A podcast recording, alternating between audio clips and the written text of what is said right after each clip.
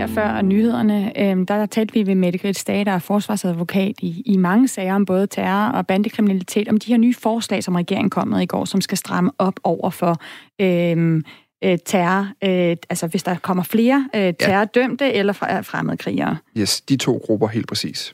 Og vi skal lige sige, at klokken øh, 8, der har vi, eller lidt over 8, der har vi justitsminister Nick Hækkerup med igennem til et øh, længere interview om den her lovpakke, så man kan lytte med der, og man kan også skrive ind til os øhm, på øh, 1424, skriv R4, og så din besked. Tidligere på morgen, der talte vi med en øh, takeaway-restaurant fra Silkeborg, som gerne vil gøre miljøet en tjeneste ved at bruge øh, engangsservice i sådan noget bionedbrydeligt materiale i stedet for i plastik. Men med den seneste finanslov, der har regeringen og aftalepartierne altså tredoblet afgifterne på alt engangsservice, uanset om det er plastik eller det mere miljørigtige. Det kan presse takeaway-restauranterne til at gå tilbage til plastikprodukterne eller droppe det helt. Kl. 7.38, der spørger vi Socialdemokratiets skatteordfører, hvordan de her høje afgifter på de miljøvenlige produkter også skal hjælpe miljøet egentlig. Videnskabsmænd verden over holder, holder lige nu vejret og håber på det bedst mulige på grund af et fund, som man har gjort på et kinesisk fiskemarked. På markedet er man nemlig stødt på en ny virus, der er i familie med den frygtede SARS-virus, der for år tilbage spredte sig hastigt og, og jo slog over 700 mennesker ihjel. Og klokken kvart over syv, der taler vi med en ekspert fra Statens Serum Institut om, øh, hvor bange vi skal være for den her nye virus. Og der er den! Der er den! Ja! Margrethe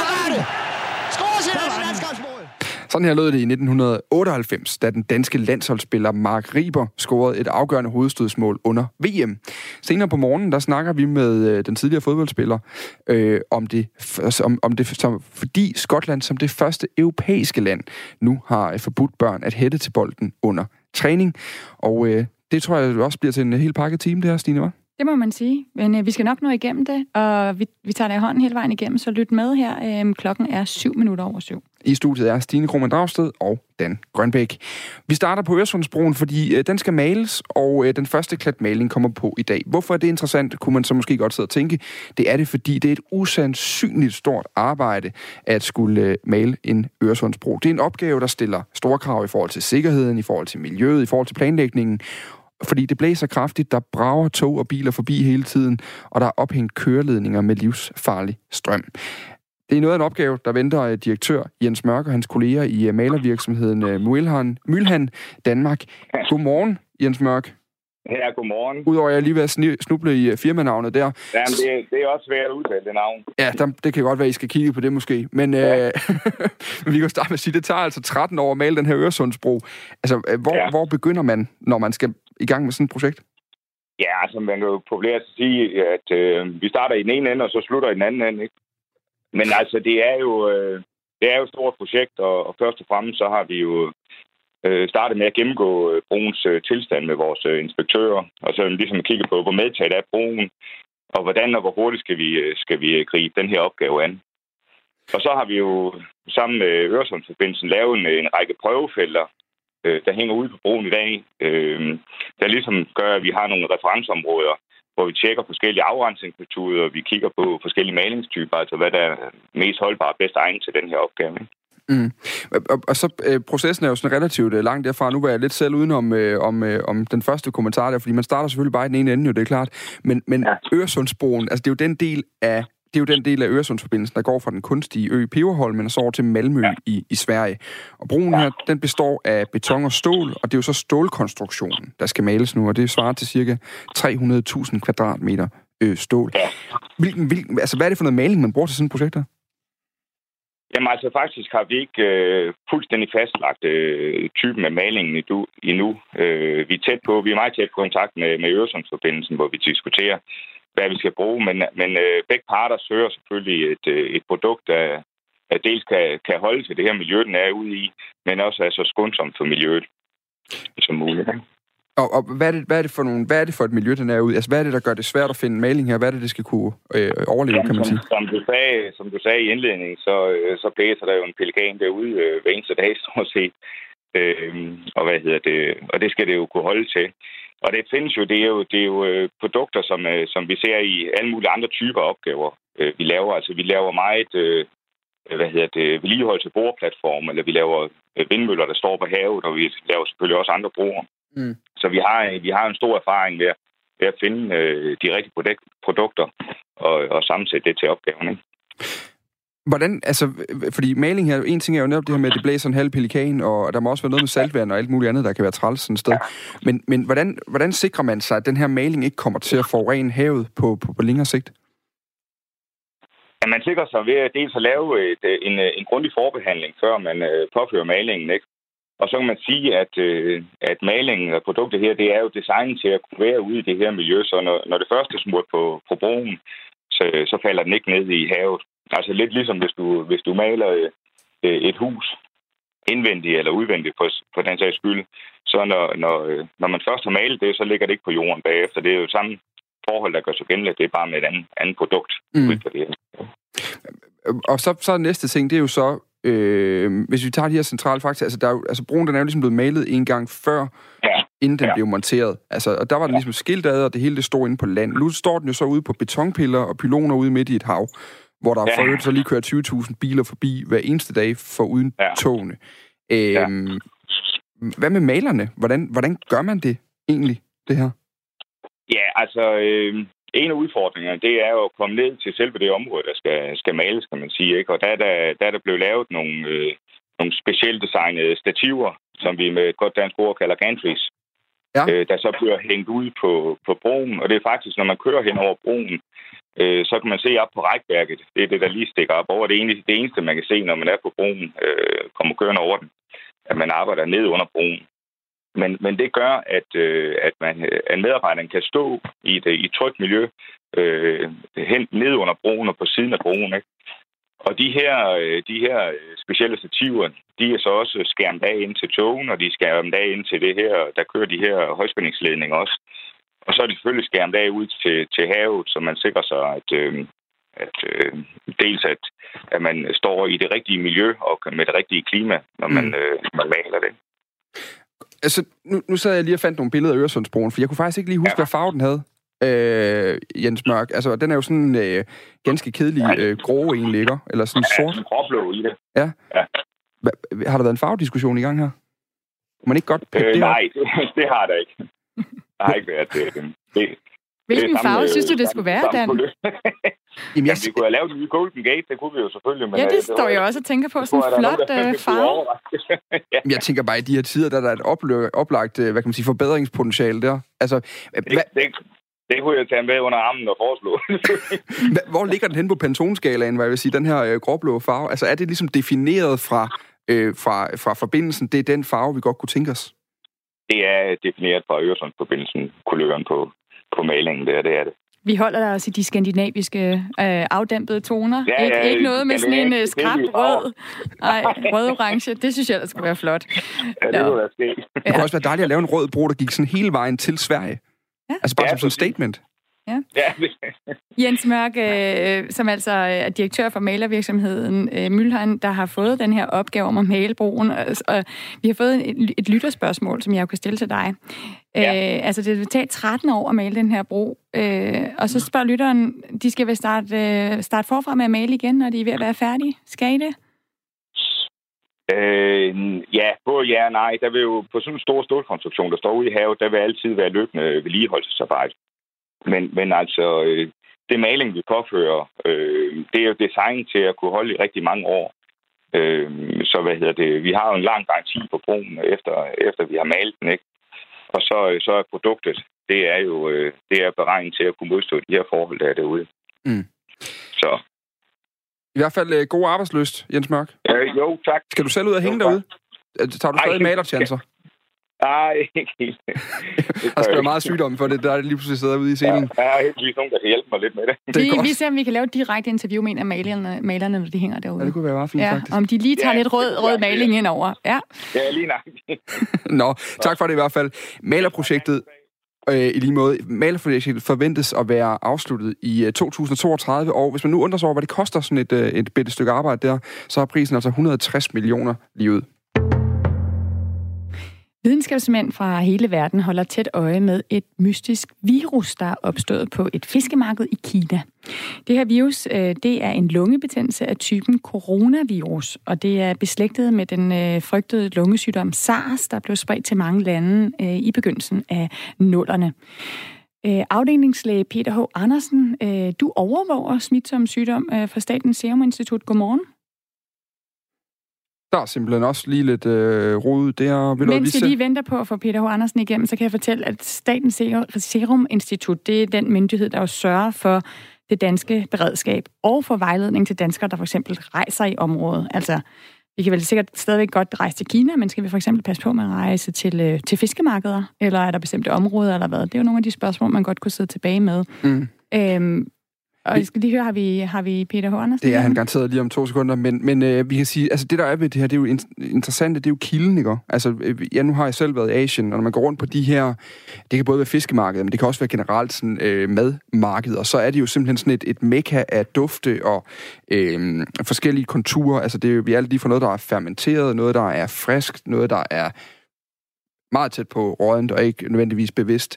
Øh, altså, så det er jo sådan hele den her øh, vanvittige mekka af nogle af meget kraftige indtryk. Og der er det altså simpelthen et, et marked, der hedder Huanan Seafood Wholesale Market i Wuhan, hvor der altså også bliver solgt levende dyr. Og, øh, og der er kilden altså ikke helt fundet endnu, men, men man vurderer, at de fleste tilfælde har haft øh, kontakt netop direkte til det her marked. Altså sådan, man er kommet ind på det. Og nu tror vi kan sige godmorgen til afdelingslæge Peter H. Andersen fra Statens Serum Institut. Ja, godmorgen. Hvor hurtigt spreder den her virus sig? Ja, altså, øh, der er jo sket øh, smitte øh, i øh, de fleste tilfælde, efter at personer har været enten ansat eller har besøgt det her fiskemarked i, i Wuhan. Øh, men det ser også ud som, at, øh, at, at smitten er stoppet i de fleste tilfælde, efter at øh, man har lukket det her marked. Så der har været få tilfælde øh, rapporteret fra henholdsvis Thailand og Japan efterfølgende, men, men, men der er ikke øh, set ud som, der er stor spredning af, af sygdommen i Wuhan i øjeblikket. Altså, kilden til udbruddet, den er jo netop ikke fundet, og de fleste øh, tilfælde har haft kontakt til netop det her øh, specifikke marked i Wuhan, hvor der altså er blevet solgt, øh, solgt levende dyr, som vi også fortalte. Øhm, men, men vi har jo lige fået at vide øh, her ja. til morgen, at der er en, der er død af den her virus, ikke også, Dan? Ja, den der, altså en ny person er død. Øh, det er som sagt i Kina, den her mystiske øh, coronavirus.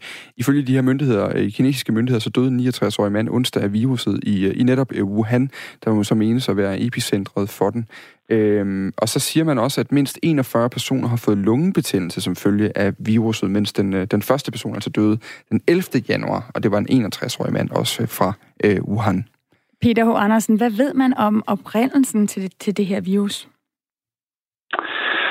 Altså det, at, øh, at der har været øh, øh, set ud som, der har været smitte fra det her marked, hvor der udover fisk også har været andre øh, vilde dyr, der er blevet solgt, øh, tyder på, at der kan være sket en anden ændring af et virus, normalt findes i dyr, og som så har øh, adapteret sig til at kunne give infektion hos mennesker. Og det er jo noget, vi har set tidligere, at, øh, at virus kan gøre, og, og, og især den her coronavirus, som jo, kan man sige, øh, er en udbredt øh, familie af virus, og som jo tit bare giver en banal infektion hos mennesker. Normalt er det jo sådan en forkølelsessygdom, man kender coronavirus for.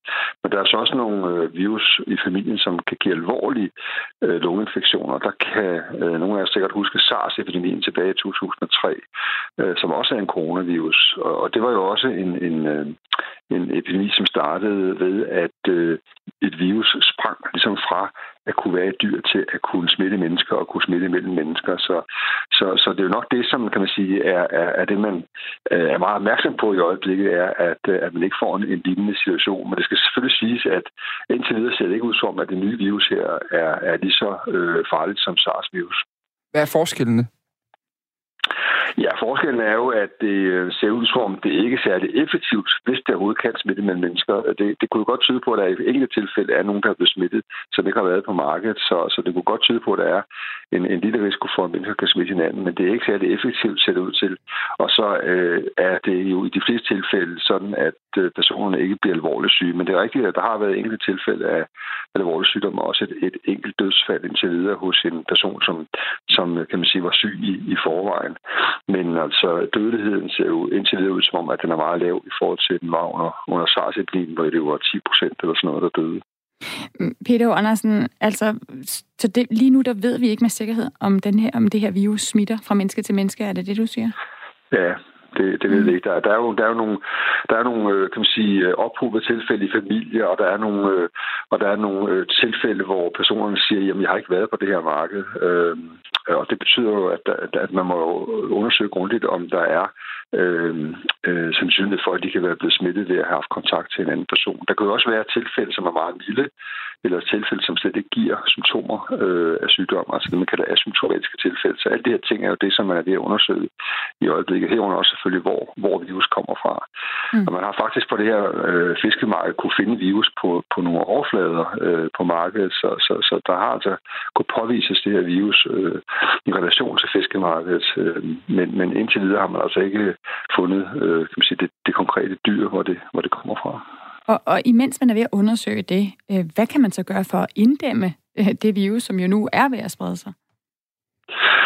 Ja, altså det, det man gør, det er jo, at hvis der er øh, øh, et konstateret tilfælde, så kigger man jo på de kontakter, som vedkommende har haft, og så, og så sørger man for, at de bliver øh, holdt i, i karantæne i en periode.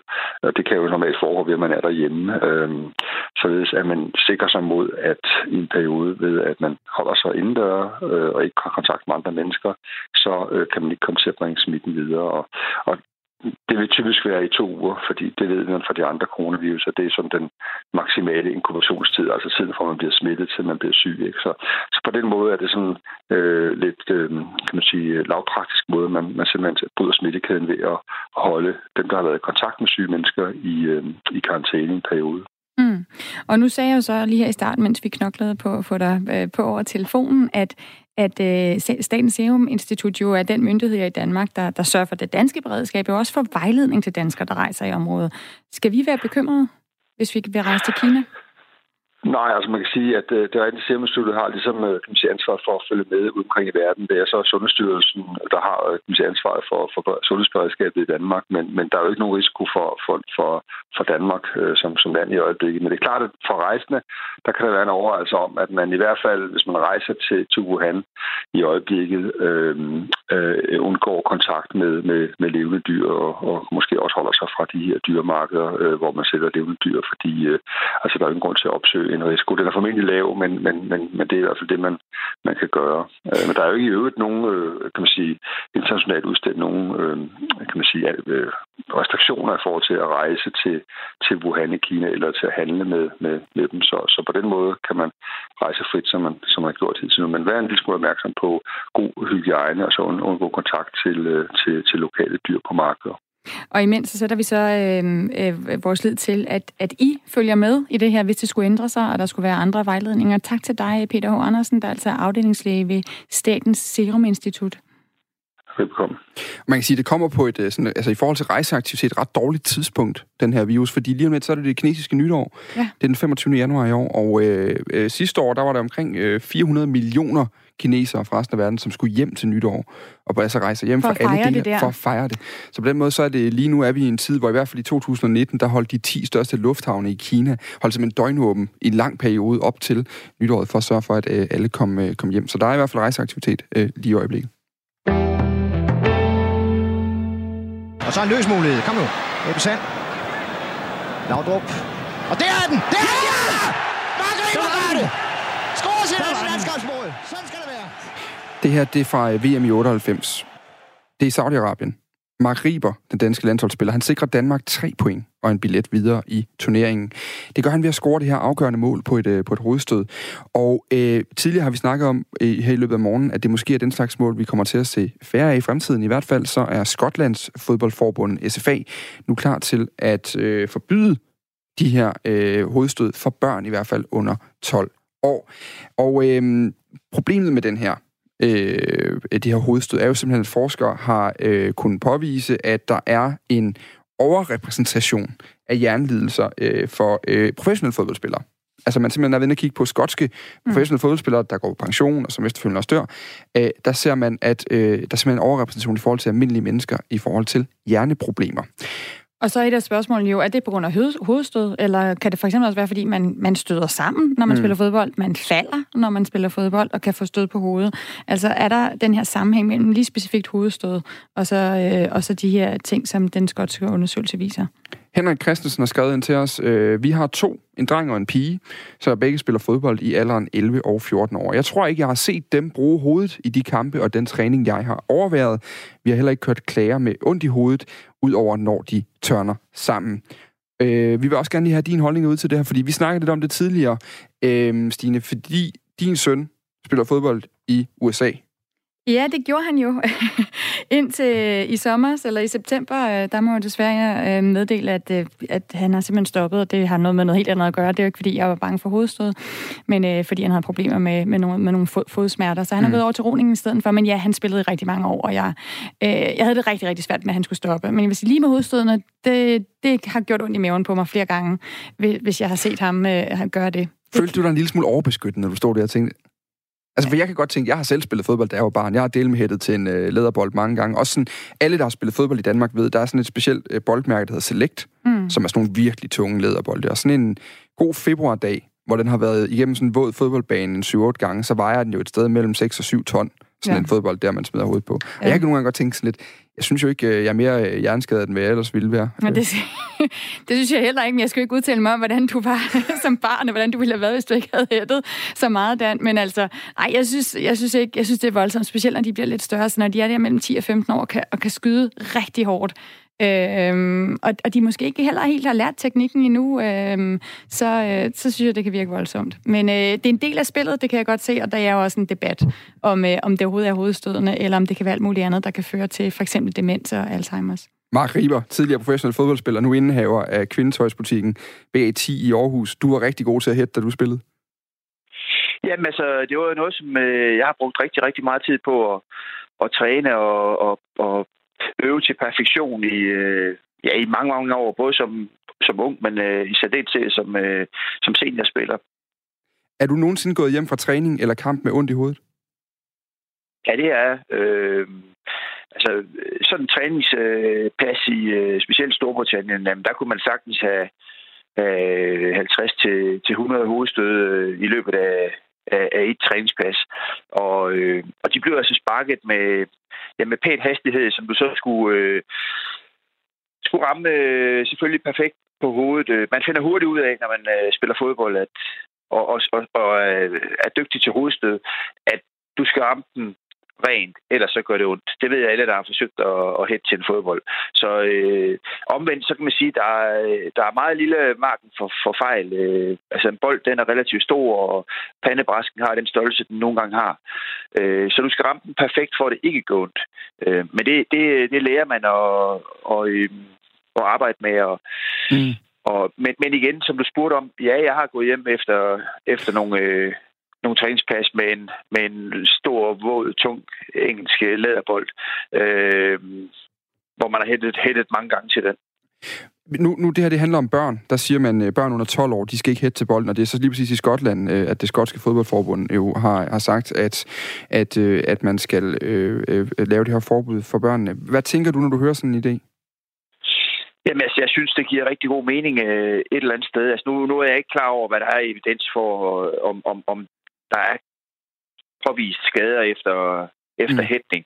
Men jeg synes, øh, under alle omstændigheder, så kan man begynde at, at arbejde med, med materialer, altså bolde, som er, er noget lettere end, end det, vi øh, var vant til. Uanset hvad, så er boldene blevet altså, 100 gange bedre, end, end, end da jeg spillede. Og, og generationen før, jamen der var det jo ren læder, som, sådan en fodbold kunne jo veje øh, flere kilo, hvis den har ligget ud i vandet. Mm. Så øh, jeg tænker, at, at man er på vej, men, men jeg synes, at ideen om at, at måske bruge plastikbold plastikbolde i de, øh, i de øh, mindre overgange, når man øver hovedstød, øh, giver rigtig fin mening. Mark Rieber, altså det er jo den her undersøgelse, som, som øh, er grunden til, at man nu øh, vil lave et forbud i Skotland. At det er en, der blev offentliggjort i oktober, og den konkluderede, at tidligere elitefodboldspillere har 3,5 gange så større, øh, større risiko for at blive ramt af øh, demens.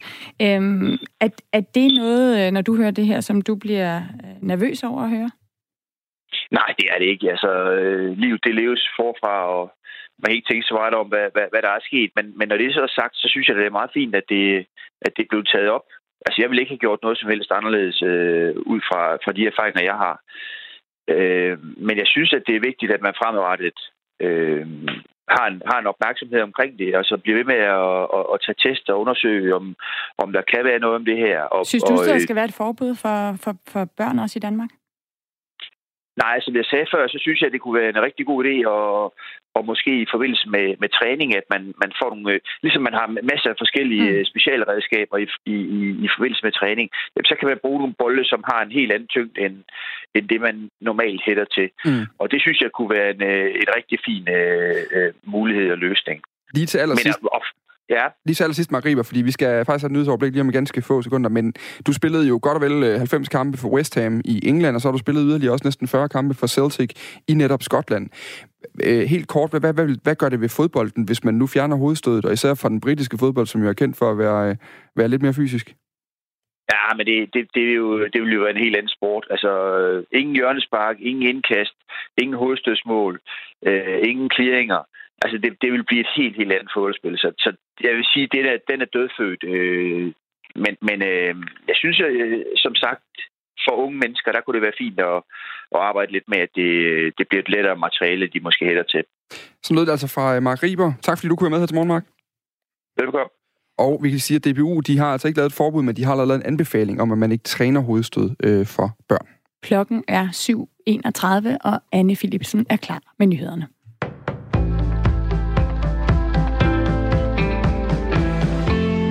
Hvis det står til et flertal i Folketinget, så skal kørekort og køreprøver ikke længere ligge på politiets bord.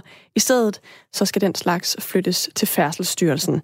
I september måned der besluttede regeringen ellers at ændre den tidligere VLAK-regerings beslutning om netop at flytte udstedelse af kørekort, køreprøver og flere andre færdselsopgaver fra politiet til Færdselsstyrelsen. Men nu vil et flertal udenom regeringen have det ændret tilbage til den oprindelige beslutning. Ideen med flytningen er, at det skal give omkring 115 betjente, og det er vigtigt, mener transportordfører for Radikale Venstre, Andreas Stenberg. Vi mangler politibetjente, og politiet er i den udfordring, at de, øh, de simpelthen øh, mangler mandskab, og derfor er det fornuftigt at prioritere opgaverne, og der er nogle opgaver med køreprøver, som kan varetages af andre end betjente, og så vil vi kunne løse patienter øh, til andre øh, vigtige opgaver. Regeringens begrundelse for ikke at flytte opgaverne, det er, at der ikke var fundet penge til at købe de nødvendige IT-systemer og betale driften af dem.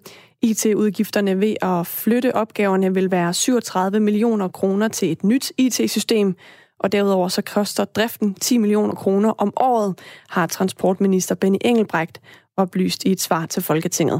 Men Radikale Venstre foreslår, at man finder pengene ved at hæve gebyret for at gå til køreprøve.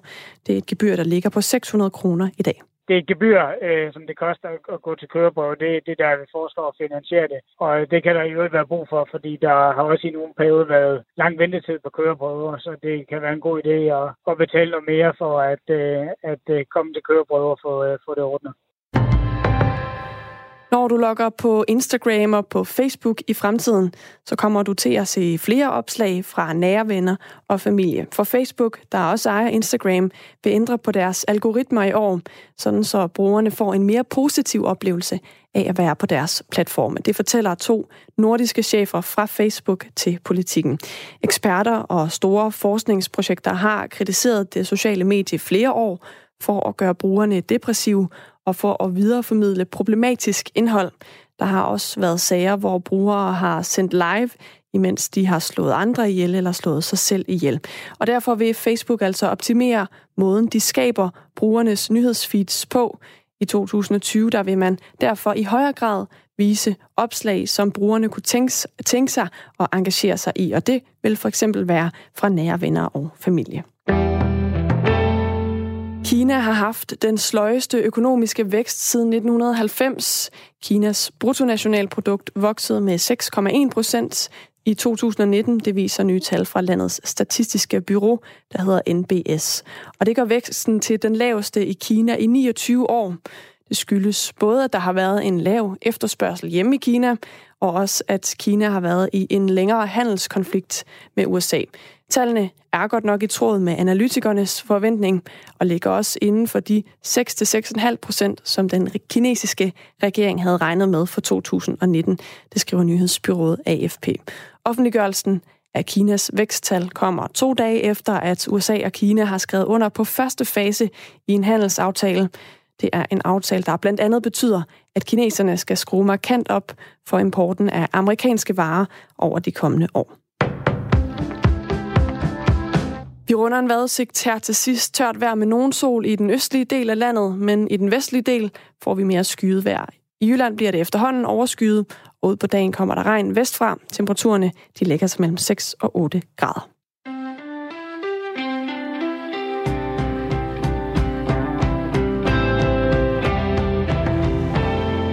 Senators, I attend the Senate in conformity with your notice for the purpose of joining with you for the trial of the President of the United States. I am now prepared to take the oath. Will you place your left hand on the Bible and raise your right hand? Do you solemnly swear that in all things Vi skal faktisk lige høre lige om lidt, hvor han øh, bliver sværet. Det er John Roberts, President of the United States, now pending. You will do impartial justice according to the Constitution and the laws, so help you God. I do.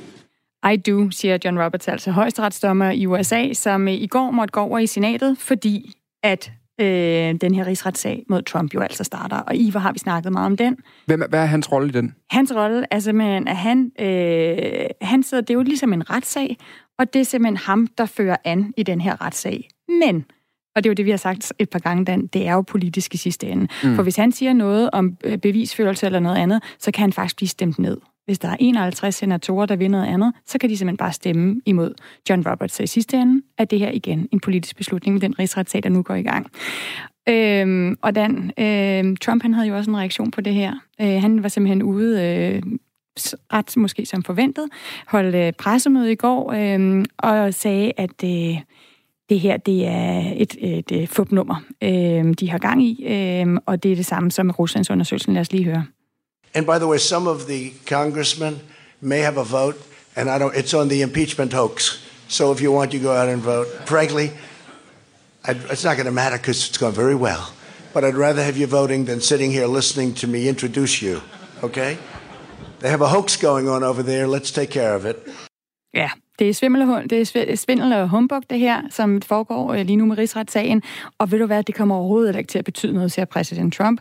Og lige den uh, vurdering, den har han nok ret i, fordi uh, der er ingen, der tror, han bliver fjernet. Og det er jo igen det her med, at der er simpelthen så mange uh, republikanere i senatet, der støtter ham, mm. uh, og man skal have to tredjedels flertal, hvis man altså skal, skal smide ham ud.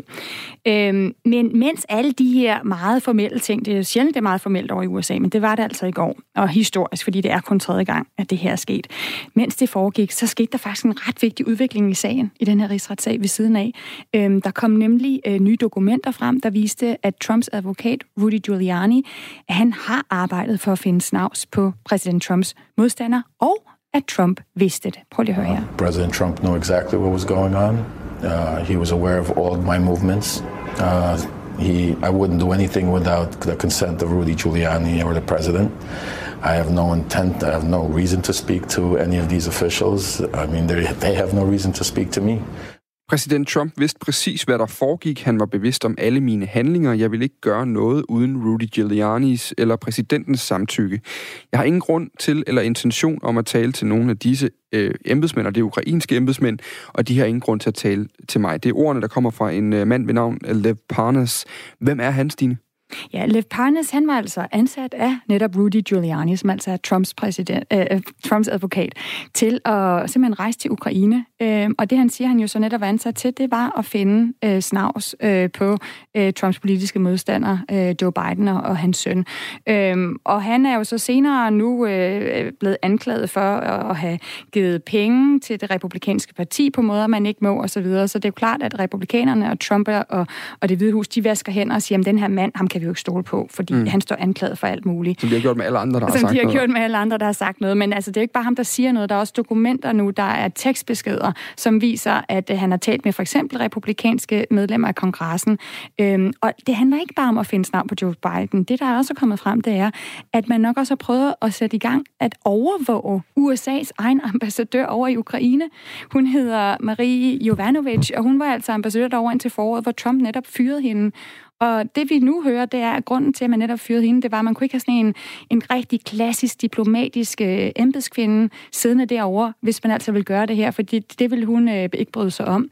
Så øh, det er jo ret alvorligt, at, man, at der nu er, er beskyldninger ud om, at man prøvede at overvåge hende, altså den tidligere amerikanske ambassadør til Ukraine, så alvorligt, at øh, Ukraine nu har startet en efterforskning.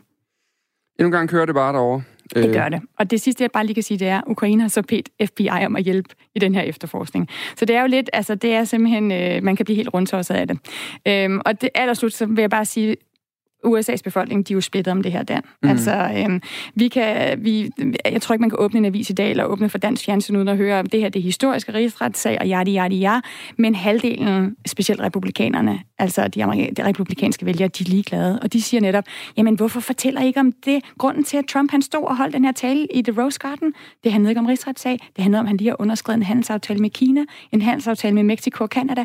Det er da meget vigtigere for vores liv helt konkret. Det er dem, der støtter Trump, der siger det. Så en splittet befolkning, som altid. Hvis en takeaway-restaurant eller en festival gerne vil servere mad i bionedbrydelig skåle med trappestik, i stedet for at bruge engangsservice af plastik, så er der ingen motivation at hente i finansloven for 2020, den som regeringen indgik i december med Radikale Venstre, SF, Enhedslisten og Alternativet.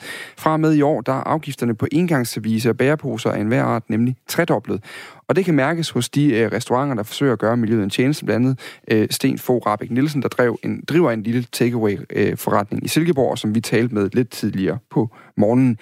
Nu skal vi tale med øh, dig, Troels Ravn. Godmorgen. Godmorgen, godmorgen. Du er skatteordfører for Socialdemokratiet. Hvorfor er det i det hele taget, at man har valgt at tredoble afgifterne på både engangsplast og det miljøvenlige materiale?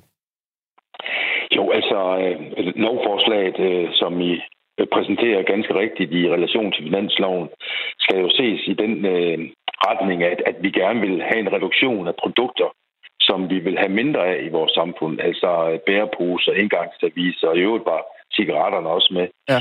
Øhm, vi er enige om, at, at, at, at, øh, at mere plastik skal genanvendes, og, og plastikforureningen skal nedbringes, øh, da der er alt for meget plastik, der, der havner i naturen. Mm. Og, øh, og med de her afgiftsstigninger, øh, så vurderer vi altså, at øh, det vil medføre en reduktion i affaldsmængderne på cirka 6.000 tons bare alene i 2020.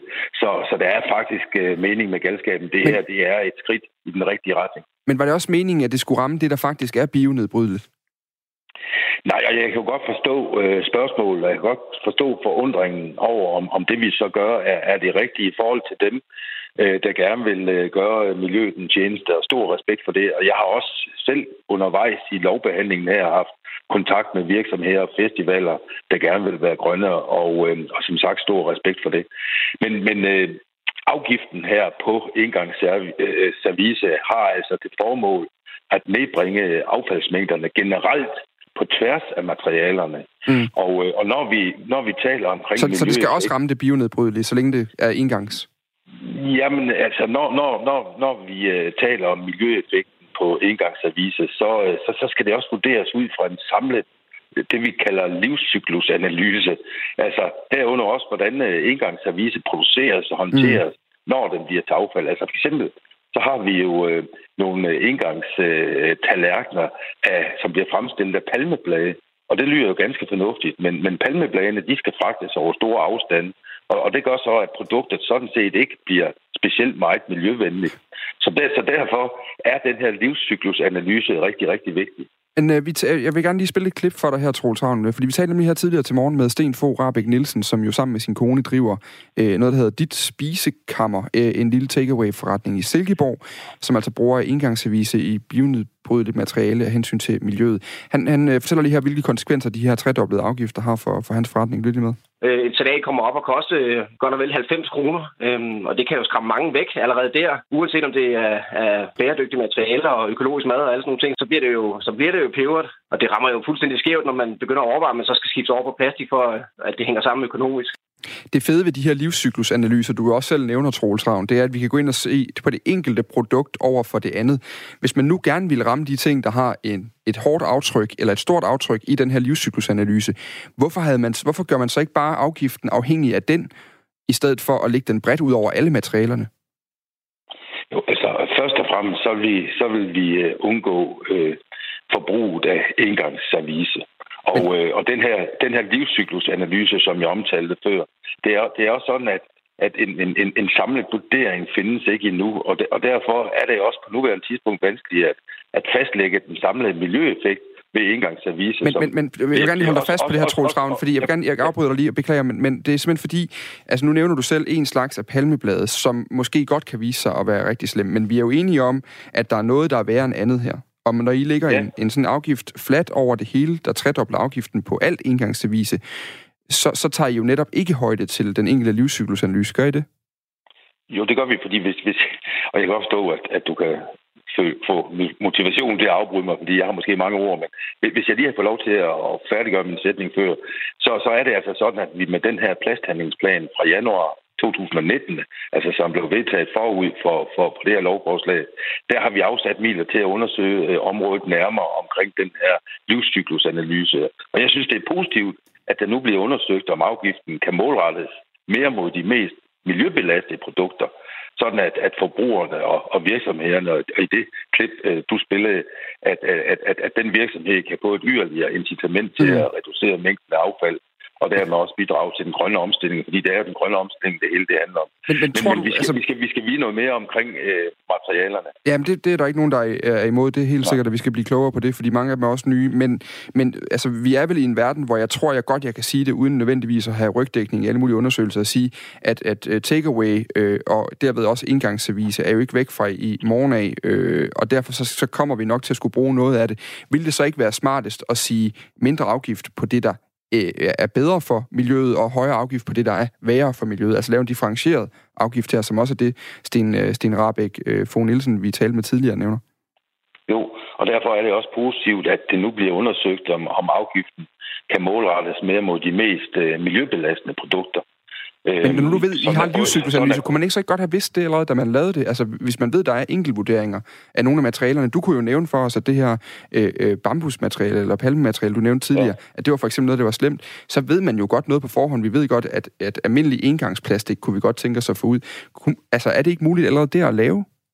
Jeg kan godt forstå forundringen, jeg kan godt forstå øh, spørgsmålet, men, men, men en, en samlet analyse findes faktisk, altså en samlet vurdering findes endnu ikke, og det er det, vi så skal have helt styr på, og derfor er det også vigtigt, at, at, at, at det her forslag indeholder, eller at man forud for forslaget her afsat midler, sådan at vi kan undersøge området nærmere. Men jeg synes også, det er vigtigt at holde fast på, at nu kommer vi i gang et, et skridt mm. i den rigtige retning. Og vi altså i år, øh, i, i år 2020, der får vi øh, øh, reduceret, øh, reduceret øh, mængden af affald øh, med cirka 6.000 ton inden for det område her, også med engangsservice. Og så skal vi selvfølgelig have helt styr på, hvad det er for nogle materialer, øh, der kan være bedre end andre. Og vi skal også holde fast ved, at, at, at virksomheder, øh, forbrugerne, borgerne, de skal selvfølgelig tilskyndes til at, og, og handle så miljørigtigt og grønt som overhovedet muligt, og stor respekt for det. Men det er jo så lige præcis det, fordi nu talte vi med, øh, med, med Sten Rabeck Fogh eller Fogh Nielsen, som jo siger, at øh, hos dit spisekammer i Silkeborg, hans forretning, der har man jo forsøgt at tage nogle materialer ind, som er bionedbrydelige, som ser bæredygtigere, mere bæredygtige ud end engangsplastik. Hvis I nu ender med, at man har, det kan godt være, at man har sat den samlede mængde lidt ned, men man så ender med, at man har rykket nogen, der egentlig var gået i den bæredygtige retning, tilbage på engangsplastik, fordi det er rentabelt for deres forretning. Har I så ikke tabt alligevel med, med den her differentiering, I gerne vil lave? Altså, øh, i det store perspektiv, øh, der skal vi have en grøn omstilling, og, og vi har alt, alt for meget øh, plastikforurening, og, og, og det havner i... Øh, Men hvis du så ender med, at der er nogen, der faktisk var gået bæredygtigt, som skifter tilbage til plastik, fordi det andet øh, bliver dyrt, når der kommer ekstra afgift på, har vi så ikke netop tabt den kamp? Altså, jeg håber ikke, at vi taber den kamp, og derfor er det jo også, at, at vi har afsat midler til at få undersøgt øh, området nærmere. Mm. Øh, netop, netop sådan, at, at det er positivt, at, øh, at der er øh, mennesker og virksomheder, og som øh, eksempel fra, fra øh, Silkeborg med Sten Rabeck, øh, som virkelig gerne vil, øh, vil, vil, vil gøre noget øh, miljørigtigt og for naturen. Og det skal vi selvfølgelig øh, motivere til. Men, men, men vi har også stået i en situation, hvor vi skulle have helt styr på den her livscyklusanalyse, fordi nogle af de produkter, der ved første øjekast måske kan se fornuftige ud, jamen det er ikke nødvendigvis sådan, de er. De skal vurderes i en sammenhæng, og den vin har vi ikke haft mm. før, lige om et øjeblik. Men hvad, hvad, så hvad skal de her bæredygtige folk, som for eksempel, eller i hvert fald, nu vil jeg ikke gå, gå, gå hele vejen ud og sige hele bæredygtige, men i hvert fald bæredygtigt tænkende erhvervsfolk med takeaway-forretninger, hvad skal de gøre indtil da? I har sat en afgift på, der, der ligesom øh, dobler, eller ikke tredobler, altså den stiger med 200 procent det er noget, der gør, at han må sætte sine priser markant op, og som jo så også betyder noget for hans forretning. Er de så bare på, øh, lidt på, øh, på, på jamen, bare, undskyld mit fransk, men er de lidt på røven, indtil I kommer med, med en undersøgelse næste gang? Jeg synes, jeg, altså, stor respekt øh, for, at man vil øh, handle grønt og, og, og miljørigtigt. Og, og det, Men det mener kan så tvinge ham til ikke at, at gøre at, nu. Fortsætte, det, for, det mener jeg, at, at, at, øh, at, at vi skal fortsætte med. Men det siger han, han så ikke kan, fordi afgifterne jo så er steget nu, Troels Det er jo det, der er hele hans problem med tingene. Ja, men, men vi skal også tænke i den retning, at vi skal reducere øh, mængden af, af engangsservice. Altså, øh, det, det er jo det, øh, som er motivationen over det hele i det her, mm. at vi skal have reduceret øh, mængden af, af engangsservice, og, og de affaldsmængder får vi altså reduceret med 6.000 tons i 2020. Mm. Og det er altså et skridt i den rigtige retning for vores miljø og natur, det må vi bare sige. Og så er der noget viden, der skal på plads. Og jeg forstår godt øh, paradoxerne. Jeg forstår også godt, at, øh, at man som øh, erhvervsdrivende øh, kan spørge sig selv, er, er, er det her fornuftigt? Er det her det rigtige? Og, og der må vi bare sige, at vi tager et skridt i den rigtige retning. Men hvad, hvad, skal, hvad skal Sten Rabeck Fo Nielsen så gøre indtil da? Fordi det er, det er 200 procent. Det stiger det her. Han har problemer, øh, fordi hans egne priser de stiger ganske betragteligt. Hvad skal han gøre indtil da? Hvad vil du foreslå? Skal han holde sig til det bæredygtige, eller skal han gå tilbage til indgangsplastikken for at kunne øh, bevare forretningen til, når I er klar med, med, med, med, med en ny differentieret afgift så? Altså min, min umiddelbare øh, fornuft siger mig jo, at, at, øh, at Sten Rabeck skal fortsætte øh, med at være miljørigtig og, og, og gøre det, han, han, han tror på. Og den, selvom den det så her, kan betyde her, noget for hans forretning simpelthen? Jo, den her afgiftsstigning er jo en afgiftsstigning, som, som man kan sige bliver øh, lagt ned over øh, alle øh, virksomheder, øh, der, der bruger engangsservice.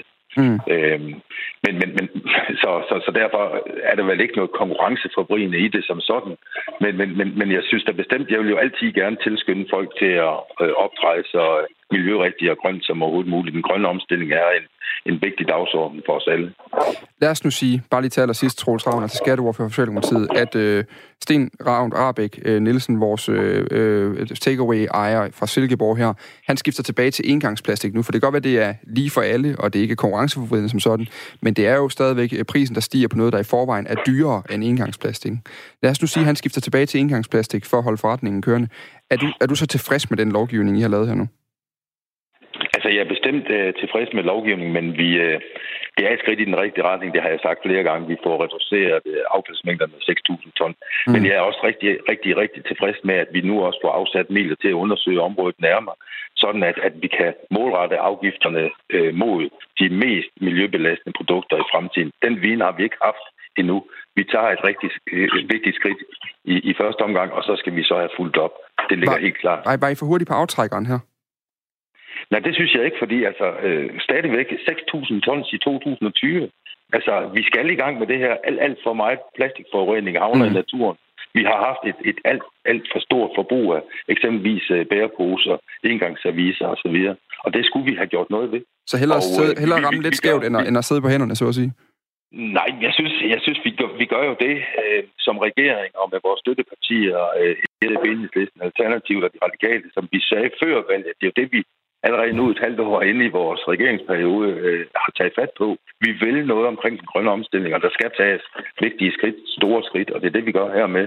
Og så skal vi også have fulgt op undervejs. Men jeg synes bestemt ikke, at, at, at, at det her det fremstår som, som ufornuftigt i sin helhed. Vi, vi, vi tager fat, og så erkender vi også, at vi skal vide noget mere om de samlede miljø- miljøeffekter ved engangsservice. Der er nogle af produkterne, som er værre end andre. Vi har ikke den samlede viden endnu i forhold til livscyklusanalysen, men det er den, vi får. Godt. Tak fordi du øh, stillede op og svarede spørgsmål her, Troels Ravn. Jamen tak fordi I ringede. Altså skatteordfører for Socialdemokratiet. Klokken er blevet 6 minutter i 8. Det er den. Og Dan, vi har fået et par sms'er på, på hele den her debat, om, øh, som jo igen, altså når vi taler om, om klima, så handler det om det her med, hvor meget vil man så betale? Øh, hvad er omkostningen, vi er mm. villige til at betale? Og der er en, der skriver ind, øh, Annette, i stedet for, at folk skal betale dyrt for indgangsservice, så lad dem købe en porcelænstallerken eller en skål for 30 kroner. Øh, de skal jo ikke øh, smides ud, eller der, og der skal ikke sættes pant på dem. Og det kan man jo sige er rigtigt, men det er lidt svært med en takeaway-forretning. Øh, spørgsmålet er, om vi simpelthen alle sammen skal til at bære rundt på vores eget øh, service på kniv og gaffel og en tallerken og en skål? Altså, er det, de, er det de bruger det jo allerede med takeaway-kopper. Ja. Øh, er der flere kaffebar, har jeg i hvert fald lagt mærke til, der tilbyder en lille, lille, lidt billigere kop kaffe, hvis mm. du kommer med din egen kop. Mm. Det kan jo være. Så, øh, men altså, så er det der, vi er henne nu, at vi alle sammen ligesom har en kniv og en gaffel med i rygsækken. Mm. Øh, skriv en til os på 1424, skriv R4, og så din besked. I Japan, der kører der en sag, der har sat gang i debatten om kønsroller. Og det er fordi, øh, at øh, en 36-årig mandlig miljøminister, øh, han har bedt om 14 dages barsel. Og det er noget, han vel at mærke har bedt om at tage over tre måneder. Altså han vil ikke tage 14 dages barsel på én gang, men han vil gerne fordele det ud over tre måneder. Mm. Det er Berlinske, der har den historie. Godmorgen, Annette Skovsted Hansen. Godmorgen. Du er lektor i, i japansk og global historie på Aarhus øh, Universitet. I Danmark, der har alle mænd jo ret til 14 dages barsel fra den dag, de bliver fædre. Hvordan kan det her være sådan en uh, big deal i Japan? Ja, det er jo fordi, der ikke er nogen, der tager den. Øh, altså denne her barsel, som de faktisk har ret til. Øh, barselsreglerne er bedre i Japan, kunne vi sige, end i Danmark, i og med, at begge forældre kan tage op til et år, enten samtidig eller i forlængelse af hinanden. Øh, og det er med ikke helt fuld løn, men næsten. Øh, de skal så ikke betale skat og så videre af det, så det vil sige, at de rent faktisk får en det samme, som hvis de arbejdede. Så, øh, så det er et rigtig godt spørgsmål, hvorfor det ikke bliver brugt mere. Øh, men øh, det er måske også derfor, at debatten bliver så stor nu, hvor der så faktisk er en øh, højt profileret øh, ung politiker, som er anden søn af en tidligere premierminister, øh, at han ligesom lægger ud og viser, det her kan godt lade sig gøre, vi bør gøre det, eller det kan vi få noget ud af. Så, øh, så det er i hvert fald gjort, at der er nogen, der er mere bevidste om, at der findes de her regler.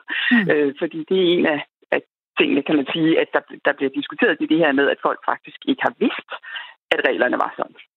Og den her debat om, om hvad mænd har af lov til barsel, og om de skal bruge det, den kommer jo samtidig med, at Japan kæmper med, at der fødes alt for få børn.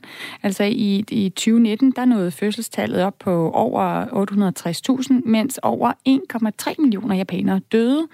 Og hvis den her udvikling den fortsætter, så vil Japan i 2065 have blot 88 millioner indbyggere mod dagens øh, befolkningstal på 124 millioner indbyggere. Så øh, de her forhold, du taler om, i hvor høj grad hænger det sammen med, at, øh, at der nu er kommet en ny generation, nogle nye forældre, nogle nye mænd, der tænker anderledes i Japan? Altså, der er ingen tvivl om, at det hænger rigtig meget sammen med det. Altså, at, at øh, nu er Kultum jo politiker, og det vil sige, at han er også ude efter vælgere og stemmer til næste valg, og der er ingen tvivl om, at det her vil give nogle unge stemmer. Og det, selvom fødselstallet er lavt, og der er flere ældre, end der er yngre, så er det trods alt også en, en gruppe vælgere. Øh, så det er det ene i det. Øh, det andet er, at man har brug for, at øh, unge mennesker får flere øh, børn i Japan, eller får børn overhovedet. Og øh, det er rigtigt, det bliver ofte, øh, altså skylden bliver skudt på, at, at arbejdsforholdene bliver anderledes. Altså kvinder kan, kan selvfølgelig sagtens tage barsel, de forventes at tage tre års barsel faktisk, hvilket betyder, at de så ikke længere er i karrierespor, øh, men vender tilbage som det, de kalder deltidsansatte, som ikke har noget at gøre med deltid. De arbejder på fuld tid, men det betyder, at de ikke er i karrierespor. Og øh, det er mændene selvfølgelig også selv nervøse for, at at, hvad kan man sige, at det her kan komme til at betyde, hvis de er væk bare 14 dage eller et år, at de så ikke længere ligesom bliver anset som øh, hvad kan man sige, interesseret i en karriere. Og det må jeg ikke om, det er et argument, jeg faktisk også hørte, da vi først fik introduceret øh, forældreoverlov eller, eller og overlov for, for mænd herhjemme. Altså folk i nogle brancher, eller mænd i nogle brancher faktisk med vilje ikke tog den, fordi de var bange for, at de signalerede, at karrieren ikke var det vigtigste for dem. Så hvordan øh, forsøger det, man at, at ændre på det? Øh, altså kan man gøre noget politisk andet end, altså nu er det jo meget symbolsk, kan man sige, at det er en, at det er en, en, en kendt politiker, der går nu ud og siger, nu vil han tage noget barsel. Ja. Er der andet, øh, man ligesom vil gøre for at prøve at ændre den her opfattelse af kønsroller i Japan? Altså, i første omgang er det jo loven, men, men den kan jo kun gøre så meget, og især, ikke, og især hvis folk ikke kender til den. Øh, men det andet, tror jeg, det, det vil være, at man forsøger det her med at, at, at have kendte japanere, eller, men altså spørgsmålet er jo, hvem kan så bede dem om at gøre det, og så må det jo være noget med, at arbejdspladserne faktisk også anerkender, at de kommer tilbage med nogle andre kompetencer, fordi det ved vi jo alle, øh, det giver nogle helt særlige kompetencer øh, at være hjemme med, med en baby eller med, med et lille barn. Øh, og og det skal jo på en eller anden måde øh, i talesættes og vises på arbejdspladserne, at når han tog barsel, og han har det nu, har bedre forhold end, end de andre. Men hvorvidt arbejdspladserne så også helt kan, kan gøre det, vil gøre det, øh, når, når man ser en arbejdskultur, som i høj grad arbejder, altså i høj grad grad bygger på, at man samarbejder, og det vil sige, hvis den ene mangler i nogle uger, og ikke er med til gruppemøderne, og ikke for, ikke, altså så, ja, hvilke konsekvenser får de så? Altså, det skal man jo så finde på nogle, nogle nye måder. Og, og der bliver vi lige nødt til at, at, at cutte dig af, for nu er klokken blevet syv. Det var, syv. Det var Mette Grits Dage, forsvarsadvokat i mange sager om terror og bandekriminalitet.